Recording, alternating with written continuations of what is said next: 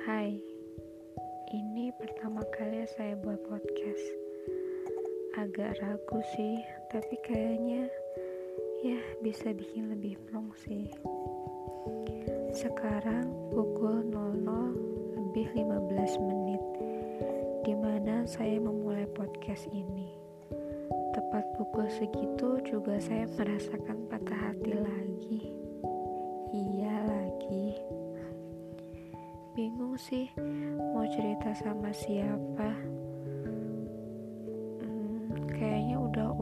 cerita sama orang lain yang hanya pintar memberi komentar tanpa ngerasain apa yang saya rasa. Tidak ada manusia yang baik-baik saja. Di balik senyum, pasti ada kesedihan. Saya lagi bingung, sedih, hancur, takut dalam satu waktu. Ketakutan yang selama ini mengikutiku benar terjadi. Mungkin dari dulu sudah ancang-ancang untuk bisa menerima semuanya, karena ini akan terjadi. Tapi saya belum siap dan gak akan pernah siap. Bahaya, ternyata bahaya jatuh terlalu dalam dengan orang yang belum pasti dan tidak tepat sudah ada dalam fase di mana bukan sekedar takut dia tidak membalas pesan WhatsApp saya, tapi saya takut kehilangan dia karena saya butuh dia untuk berada di sisi saya. Itu salah.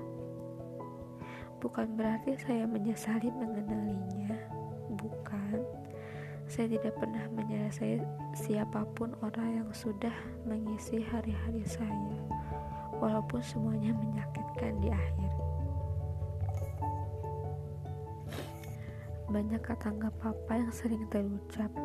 Gak apa-apa, aku baik-baik aja kok. Pengecut emang. Mengakui diri sendiri sakit saja tidak mengakui. Entah, tapi hanya itu yang ada di isi kepala saya.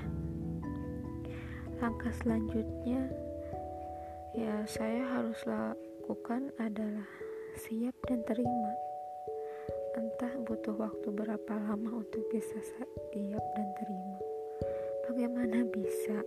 Saya lupa dengan dia yang menyebalkan.